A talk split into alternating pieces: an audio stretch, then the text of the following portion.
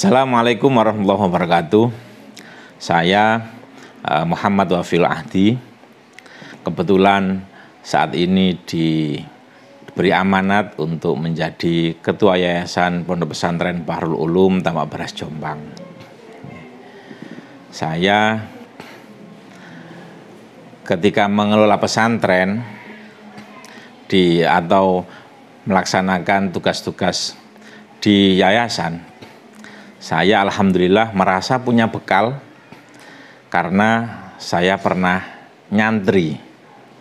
Sehingga pengalaman-pengalaman saya nyantri itulah yang kemudian menjadi bekal saya untuk mengelola uh, pesantren Bahrul Ulum bersama para uh, saudara-saudara keluarga besar kami di Tamak Beras ini.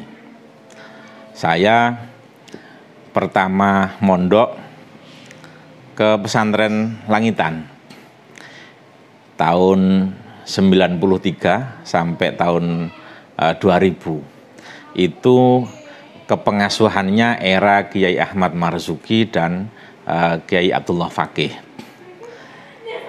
Dulu saya ingat abah saya ketika mengirim saya ke pesantren, sudah kamu pergi ke langitan saja, di sana ada Kiai Sepuh.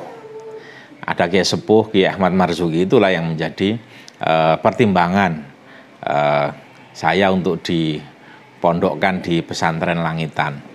Sebuah pesantren salaf yang tidak ada pesan madrasah formalnya. Ada madrasah, tapi ya itu hanya madrasah diniyah yang diklasikalkan, yang di apa uh, dibikin uh, semi formal, tetapi secara uh, apa terdaftar di Kementerian Agama atau ada ijazahnya tidak ada. Tetapi alhamdulillah saya menikmati uh, nyantri di langitan selama tujuh tahun dengan segala dinamikanya. Uh, kemudian selesai saya lulus sampai Madrasah Aliyah Al-Falahiyah di Langitan tahun 99 akhir atau itu bulan Syakban. Ya bulan Syakban itu ketepatan dengan uh, tahun 99 akhir. Nah, dari situ kemudian saya harus uh, tabarukan dan mencari pengalaman ke pesantren yang lain. Hmm. saya milih kebetulan milih di pesantren Anur Ngurukem Bantul untuk fokus pada uh, Al-Quran kalau di langitan fokusnya pada kajian-kajian kitab kuning dengan segala mata pelajaran yang diajarkan. Kemudian saya pindah ke An-Nur ini untuk pendalaman bacaan Al-Quran saya yang memang pada saat itu belum bisa ngaji. Makhorijul hurufnya atau ya kelancarannya. Memang di sinilah dulu nggak tahu sekarang biasanya di pesantren-pesantren salafiyah yang fokus pada kajian kitab kuning, uh, kajian atau pelajaran tentang tilawatil Quran, bacaan Al-Quran itu tidak begitu diperhatikan. Oh. Dan saya merasakan itu, tidak ada yang uh, membimbing bacaan Quran saya. Uh, sehingga saya merasa harus saya harus ngaji Quran. Setelah dari langitan, kemudian saya uh, ke pesantren An-Nur Bantul itu untuk dandani bacaan Al-Quran saya. Dengan nekat, kemudian saya ikut program tahfid. sambil dandani, sambil dandani uh, bacaan. Dan saya merasakan itu uh, betapa di, di An-Nur, ngerukem, saya belajar di Kiai Nawawi Abdul Aziz menantu dari Mbah Yemunawir Kerapiak dari situ saya belajar uh, mengaji Al-Quran sambil setoran, hafalan, sambil ditandani bacaannya. Dulu karena dulu belum ada uh, apa model pembelajaran Al-Quran yang seperti sekarang ada uh, jilid buku-buku yang berjilid-jilid itu. Tidak ada dulu ya Baghdadiyah itu ya turutan, turutan. seperti itu. Dan di langitan karena saya dianggap di ngerukem itu saya dianggap sudah pernah belajar di pesantren kitab di ngerukem saya diminta untuk ngajar madrasah diniyah uh, ya ngaji-ngaji kitab untuk anak-anak santri tahfidz. Ahlul kitab. ya. Iya. Madrasah diniyah ada madrasah diniyah di situ ya gurunya karena santri Quran pesantren Al Quran itu kebanyakan ya kadang SDM untuk ngajar eh, kajian-kajian kitab kuning itu juga terbatas. Sehingga eh, dulu itu ya mengandalkan lulusan pesantren-pesantren salafiyah yang eh, kemudian kepingin mengaji Al-Quran. Termasuk saya yang akhirnya eh, disuruh ngajar eh, madrasah diniyah dan mengelola madrasah diniyah di eh, era itu. Sambil menghafalkan sambil eh, sorenya eh, ngaj- mengajar madrasah diniyah. Dan itu ya ya karena passionnya masih anak-anak ya belum dalam artian yang diajar ya teman-temannya sendiri. Ya pokoknya saya niatnya ya niat ngaji gitu aja. Nggak tahu beberapa eh, mata pelajaran yang dulu pernah saya ampuh ya pokoknya ngajar bu paham boga saya juga masih masih usianya juga belum matang menjadi guru. Sehingga ya pantas-pantasan saja. Tapi alhamdulillah sampai sekarang ya ketika ketemu teman-teman saya ya dulu ini diajar. Diingatkan saya pernah mengajar di Dinia tapi padahal saya lupa karena saya belum bisa em, apa apa menghayati benar sebagai seorang guru karena masih latihan. Di situ eh, saya merasa dapat latihan latihan mengajar di situ. Ya meskipun yang dikorbankan ya sistem madrasah. Karena gurunya nggak temenan. Sampai akhirnya saya di eh, dipaksa ya dipaksa untuk kuliah. Karena pesantren tambak beras itu besar karena madrasah formalnya apa punya madrasah formal yang banyak dan santrinya yang banyak juga. Sehingga saya waktu itu nggak punya eh, karena lulusan pesantren salafiyah yang apa ngaji kitab kuning nggak pernah kenal sepatu nggak pernah kenal apa pakai celana ke mana-mana pakai sarung bawa kitab kuning di saknya itu ada alfiyah ada imriti ya ada faroid ya ada alfiyah ganti-ganti ya. Itu kemudian ya saya dipaksa kuliah karena kamu harus kuliah nanti pulang ya. Kondisi di pesantren tambak beras yang berbeda dengan pesantren yang di mana saya dulu pernah apa mondok. Akhirnya saya kuliah sambil menghafalkan. Kuliah saya itu ketika sudah dapat 7, 13 juz juz 13 masuk juz 13 saya kuliah di Fakultas Hukum UII dan ternyata memang ah, berbeda rasanya ketika menghafalkan nggak kuliah sambil apa menghafalkan di sambil kuliah. Itu hasilnya memang berbeda. Ya banyak faktornya karena di uh, banyak faktor yang membedakan dan memang kualitasnya lebih baik sebelum kuliah. Lebih cepat lancar lebih cepat dapat banyak gitu ketika kuliah ya sedikit terganggu karena waktu sudah tersita kemudian ada tugas-tugas mengerjakan. Dan yang paling yang paling apa terasa itu ketika dulu belum kuliah suasana kita bermain paling di dalam pesantren. Tapi kalau kuliah sudah bermainnya keluar ketemu dengan apa cewek-cewek cantik di kampus. Itu ya saya ingat. Sakautu ilawaki insu akhifdi farsa dan ila tarkil masi Nasi maksiat lebih buruk. iya karena saya di kampus itu terkenal teman-teman di Fakultas Hukum UI itu ceweknya cantik-cantik dan eh, apa sangat fashionable sangat fashionable itu dan saya masuk situ ya gimana lagi ya kita nikmati apa yang suasananya di kampus Cowok-cowoknya ganteng-ganteng. ya? cowoknya ya biasa-biasa cuma ini apa kendaraan yang dibawa. Sudah banyak yang bawa mobil. Kalau motor itu ya motor yang apa yang inilah motor yang bagus gitu. Eh, itu itu apa penilaian orang. Di kampus yang apa saya di situ memang seperti itu. Kalau ceweknya fashionable kalau cowoknya ya juga fashionable. Dan apa kendaraannya itu apa kelihatan gitu, nggak sekedar seperti di uh, perguruan tinggi Islam negeri tetangganya, ya.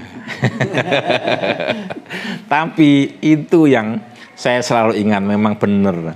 Apa syakautu ila wagi in suahifdi farsadani latarkil ma'asi. artinya apa? Uh, itu saya Eh, apa saya mengeluh kepada guru saya Imam Wake.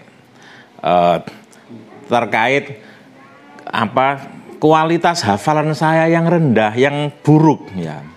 Kenapa kualitas hafalan saya kok buruk ya? Kemudian eh, Imam Wake ini menjawab Farsyadani ila tarkil ma'asi. Kemudian beliau Imam Wake menjelaskan apa memberikan petunjuk kepada saya untuk meninggalkan kemaksiatan? Eh, apa lanjutannya itu? Ah, intinya wa nurullahi la yuhdali asi. Ilmu itu adalah cahaya, eh, cahaya dari Allah. Dan cahayanya Allah itu tidak akan diberikan pada orang-orang yang melakukan kemaksiatan. Dan saya eh, apa syair itu selalu terngiang dalam telinga saya ketika saya kuliah. Di sisi yang lain saya harus bergelut dengan hafalan Al-Quran untuk melancarkan, untuk merawat hafalan yang lama, kemudian menambah hafalan yang baru. Tapi di sisi yang lain ketika saya di luar pesantren, di lingkungan kampus atau di lingkungan di lingkungan di luar pesantren yang saya menganggap melihat apa lawan jenis yang fashionable waktu itu trennya adalah tren eh, celana dan baju yang full body nah apa yang ketat ya. Yang ketat dan pendek. Sehingga ketika saya duduk di kampus untuk, mendengarkan perkuliahan sering saya melihat apa ya dalemannya ya underwearnya cewek yang duduk di depan saya. Nggak mungkin underwear tok. Ya aurat di atasnya juga kelihatan. Itu. Berarti kalau begitu nggak usah kuliah? Ya ya harus diimbangi. Nah. istighfar yang banyak.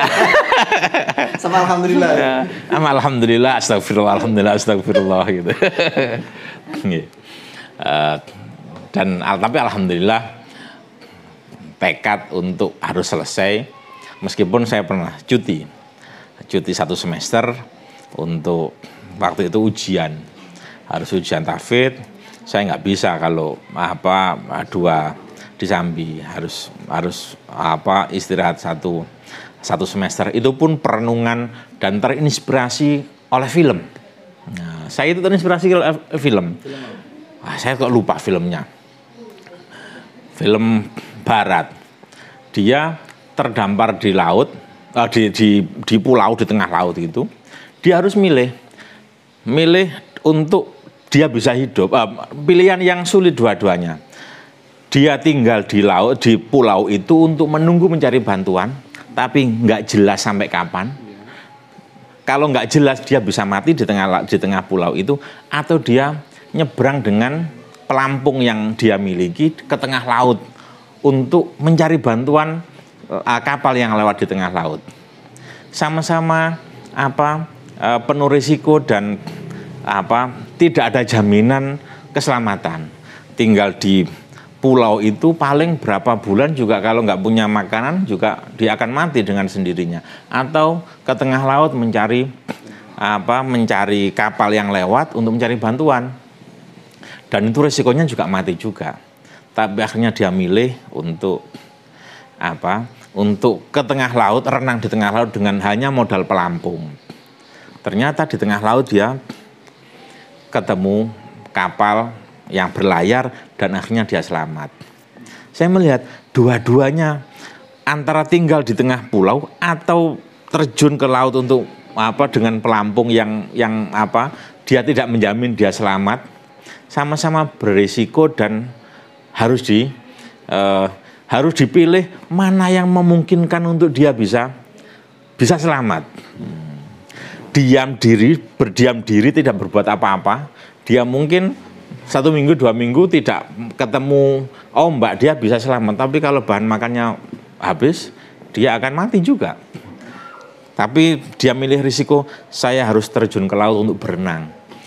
Risikonya besar sekali. Tapi dia punya bayangan saya akan ketemu apa punya upaya untuk meraih, untuk mencari kapal. Tapi kalau di tengah laut, di tengah pulau, dia diam saja pasif mencari apa eh, pesawat ya, menunggu pesawat yang lewat. Mungkin dia nyari apa-apa pakai asap atau apa. Jadi saya melihat itu, saya harus bergerak di tengah dilematis dilema itu saya harus bergerak untuk untuk ya untuk menyelesaikan masalah ini. Saya fokus saya cuti satu semester, kemudian saya sampaikan ke abah saya dan kaget juga. Tapi ya saya punya alasan yang kuat. Target saya, saya cuti ini tidak menjamin saya bisa tes Quran. Kalau saya nggak cuti, podo nggak menjaminnya tes Quran, podo nggak nggak menjaminnya. Tapi paling tidak saya punya upaya saya berhenti kuliah, saya akan fokus untuk melancarkan sampai bisa uh, ujian uh, ujian tahfidz. Alhamdulillah di ujung semester apa pas saya cuti itu saya bisa tes Quran, kemudian semester berikutnya saya bisa kuliah. Sehingga uh, setelah di uh, satu tahun sebelum saya lulus lulus wisuda lulus, lulus apa kuliah Quran saya selesai dan kemudian wisuda Quran. Baru kemudian tahun berikutnya saya wisuda uh, sudah di kampus sudah kuliah. Jadi alhamdulillah itu apa posisi kondisi yang dilematis sekali antara dua apa dua dua pilihan yang harus dua-duanya di diraih. Alhamdulillah uh, selesai kuliah selesai saya langsung suruh pulang. Quran sudah selesai kuliah sudah selesai saya pulang. Paling tidak saya sudah menuruti ya keinginan abah saya. Dan kemudian eh, saya pulang. Setahun kemudian saya pulang abah wafat. Abah wafat dan uh, saya dipasrai apa untuk mengelola asrama yang ada di rumah. Modal saya hanya satu modal saya itu hanya pengalaman mondok. Karena ngurusi pondok harus punya pengalaman mondok. Itu yang kemudian uh, saya apa uh, saya bisa percaya diri untuk merasa paling tidak punya kemampuan itu ya karena saya punya pengalaman. Uh, mondok di pesantren pada saatnya sekarang saya harus mengelola pesantren. Kemudian perjalanan waktu uh, saya masuk sistem di madrasah dan lain-lain kemudian saya mencari beasiswa untuk S2 dapat beasiswa itu juga di luar dugaan karena eh, background saya itu Fakultas Hukum, S2 magisternya saya yang saya cari adalah pendidikan agama Islam. Pendidikan agama Islam ini di apa hus, beasiswa untuk eh, guru-guru uh, madrasah sesuai dengan bidangnya masing-masing. Saya ambil fikih. Lah, tes fikihnya adalah tes apa mukoronah madhab atau perbandingan madhab semua soal-soalnya saya nggak punya basic ini, cuma saya hanya ingat dulu pelajaran di pesantren. Wes bismillah, bondo bismillah. Ya, bondo keyakinan untuk kita, saya fatihah aja semua yang berkompeten di uh, penentuan beasiswa ini. Hmm. Termasuk saya memfatihai kepala apa Menteri Agama pada saat itu. Saya fatihai semua mulai dari panitia sampai sampai sampai apa Menteri Agama tak fatihai. Alhamdulillah lolos ini. Itu Menteri Agamanya? Menteri, tahun 2009 itu siapa Menteri Agamanya? Surya Dharma Ali mungkin. Ya, itu saya fatihai semua.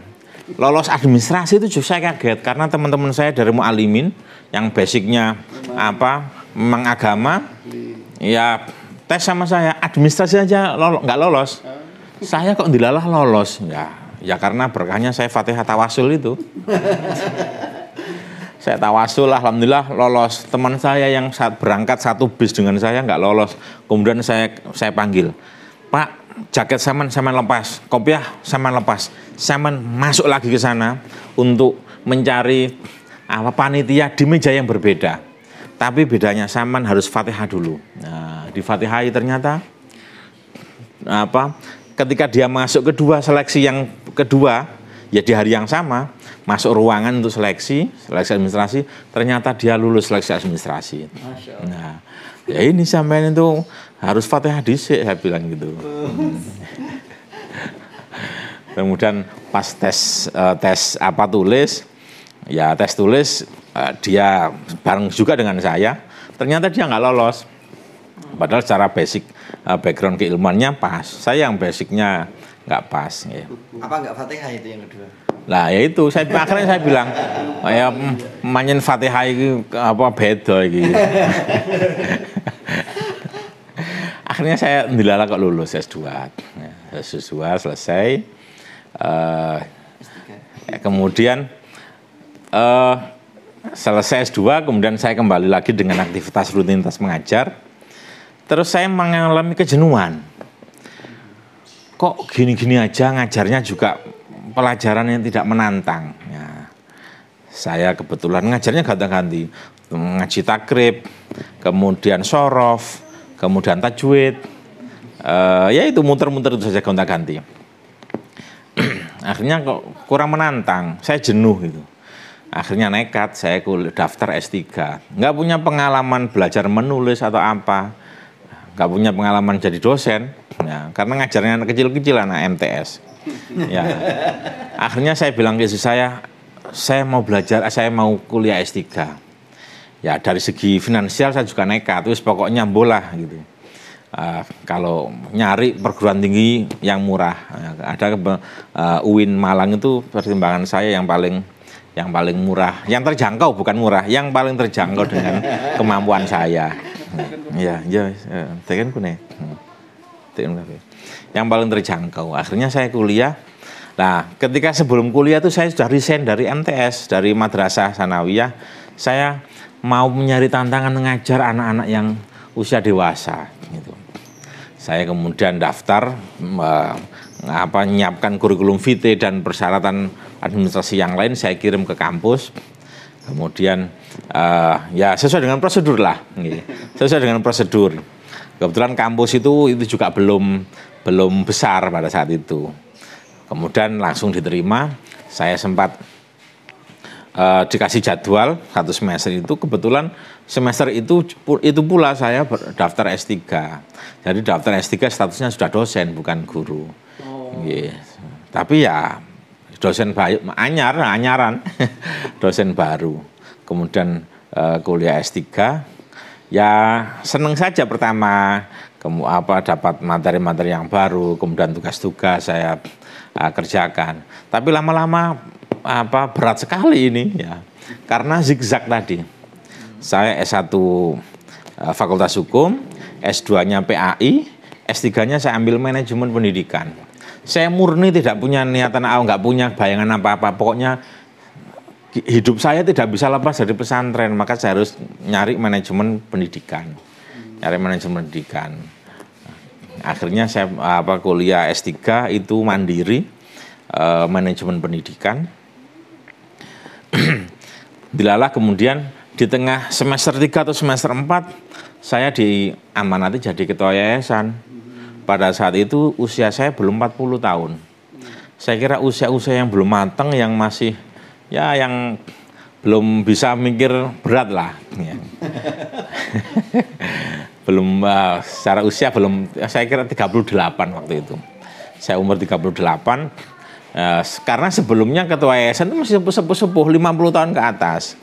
Pas pada saat itu 2017 saya di amanati untuk jadi ketua yayasan usianya belum 40 belum genap waktu itu sudah kuliah manajemen pendidikan jadi ya pas lah gitu.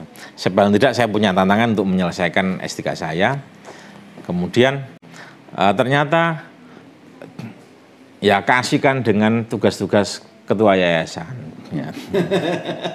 Karena terlalu sibuk ya, atau mungkin mikirnya bukan sibuk sih enggak, mikirnya yang banyak, banyak yang dipikirkan. Nah, banyak yang dipikirkan, apalagi ditambah beras dengan uh, model uh, pesantren yang apa kepengasuhannya kolegial. Santri apa pesantrennya asramanya banyak. Kemudian secara organisasi pengaturan manajemen pesantrennya di di Tamak Beras itu ada banyak pengasuh-pengasuh asrama. Uh, kemudian ada majelis pengasuh yang uh, ini kebijakan pengaturan pesantren ini juga apa harus bisa disepakati bersama untuk membangun uh, menata sistem di Bahrul Ulum. Ya, itu tantangan yang besar dan menyita pikiran dan tenaga. Tapi kemudian di ujung periode saya yang pertama, saya sudah ujian tertutup. Ya, saya sudah selesai menyelesaikan. Nah, jadi sebelum saya jadi ketua yayasan sampai di ujung jabatan saya jadi ketua yayasan, saya baru bisa menyelesaikan S3. Alhamdulillah selesai. Kemudian eh, setelah ujian tertutup, kemudian saya dilanjutkan, diberi amanat untuk melanjutkan eh, ketua yayasan lagi. Sehingga di awal periode kedua saya, saya bisa menyelesaikan uh, eh, S3. Ya, Alhamdulillah sekarang paling tidak uh, ada pengaruh saya bisa belajar bagaimana itu manajemen, bagaimana itu konflik, bagaimana itu komunikasi. Sehingga kita minimalkan komunikasi dan kemudian apa uh, ya banyak hal yang di lapangan itu ternyata lebih rumit daripada sekedar teori-teori manajemen pendidikan, teori-teori komunikasi. Ya. Karena di pesantren ini manajemen-manajemen keluarga. Ya. Manajemen keluarga. Ya, ada teorinya di kampus. Ya, iya. Tapi ini apa? Di tahun-tahun masuk S1 berarti di tahun 9 2001. 2001 itu kan yang uh, nggak jamak ya uh, apa putra kiai pesantren terus ambilnya kuliah jurusan umum gitu itu kan yeah. ya agak bid'ah ya. Iya. ya, kalau benar. banyak. Iya. Itu gimana waktu itu ada ada nggak yang kok biar kok juga jurusan umum gitu? Iya. Uh, saya ngambil itu fakultas hukum ya apa memang agak tersesat ya. Agak tersesat karena passion saya dulu di psikologi lebih bid'ah lagi nih. Karena dulu itu saya saya nggak mau di apa di PT AIN itu ya. Saya nggak mau di apa daftar di PT AIN. Saya di uh, kampus yang lain saja. Akhirnya ambil di uh, eh, UII itu pilihannya saya pilihannya psikologi. Tapi harus milih kedua. Pilihan kedua saya hukum. Ternyata kepilih yang pilihan kedua. Nah itu agak shock juga. Waduh gimana ini? Saya nggak punya basic hukum, tapi saya mikir nggak apa-apa. Hukum ini saya akan apa ada basicnya sebenarnya. Saya punya pengalaman belajar kawaid fikih, belajar usul fikih. Itu adalah teori-teori hukum Islam. Jadi wes Bismillah gitu. Kalau psikologi sebenarnya passion saya itu uh, lebih apa ya? Mungkin agak apa perasa ya apa terlalu mengedepankan perasaan ya orang akhirnya saya lebih uh, lebih apa cenderung seneng dengan psikologi tapi nggak keterima ya gimana lagi Iya, saya di situ dan saya keterima di, di Fakultas Hukum. Ya, ya, ya. Masih prestis lah. Gitu. ya agak agak ini, dapat ilmu yang baru dari perspektif yang baru. Dari perspektif apa uh, hukum hukum apa konvensional ya ilmu hukum. Hukum tata negara hukum dagang. Ketika maka kemudian ketika sekarang saya belajar uh, ekonomi syariah ya membaca buku-buku ekonomi syariah sedikit banyak saya ingat dulu saya pernah belajar hukum dagang. Hukum dagangnya Belanda gampangannya gitu ya hukum dagang. Ternyata sekarang ekonomi syariah kita itu kan juga me, mengistilahkan ya, istilahnya kan ya tinggal arabisasi istilah ya. Istilah apa kemudian diarabkan seperti ini. Apa baik apa al muntahiyah bitamlik apa itu. Ya itu kan apa uh, kredit untuk kemudian dimiliki ya Ya itu semacam itu dulu ah, di hukum-hukum dagang saya belajar itu kan teori-teori aturan hukum warisan Belanda ya, yang yang sudah dipraktekkan di Indonesia. Tapi kan sekarang kemudian itu di Islamisasikan atau di, uh, ekonomi muamalah syariah itu ya ya tetap itu di dianggap dianggap sebagai sebuah muamalah yang real yang bagaimana tinggal mengislamisasikan gitu. Dulu saya kira manajemen itu ternyata manajemen pendidikan tentang pendidikan ternyata tidak. Ternyata ya manajemen murni manajemen cuma fokusnya ke arahnya ke pendidikan. Manajemen belajar gimana manajemen resiko, gimana manajemen organisasi, gimana manajemen, pokoknya manajemen. Ya. Tapi itu kalau di yayasan bermanfaat ya? Bermanfaat. Saya bisa membaca madrasah ini morat marit apa tidak? Hmm. Karena mindsetnya mindset manajemen.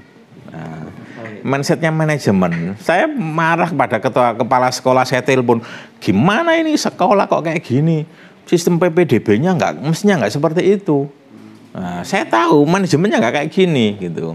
Harus kepanitiaannya harus dibentuk, kemudian perencanaan kegiatannya apa, ini hanya apa. Jangan kemudian tiba-tiba kepingin ini, tiba-tiba kepingin ini. Nggak bisa seperti ini, ini mengacaukan sistem. Nah gitu, saya bisa memarahi kepala sekolah. Terlepas itu kemudian dilakukan apa tidak, itu paling tidak saya bisa memberikan penyeimbang, memberikan penyeimbang fokusnya contohnya apa? Manajemen apa pembelajaran. Ini guru ini nggak bisa. Asuruh ngajar top butuh untuk di upgrading kualitasnya bikin apa semacam apa pelatihan. Nah itu harus ini bagian dari peningkatan kualitas pembelajaran di madrasah peningkatan kualitasnya guru. Jadi guru sekali-kali dibikinkan kegiatan apa itu upgrading. Nah, jadi kalau kualitas apa eh, akademiknya guru itu terupgrade, otomatis nanti ngajarnya ke siswa itu kan juga lebih lebih nyaman. Siswa itu punya perspektif yang baru dalam pembelajaran.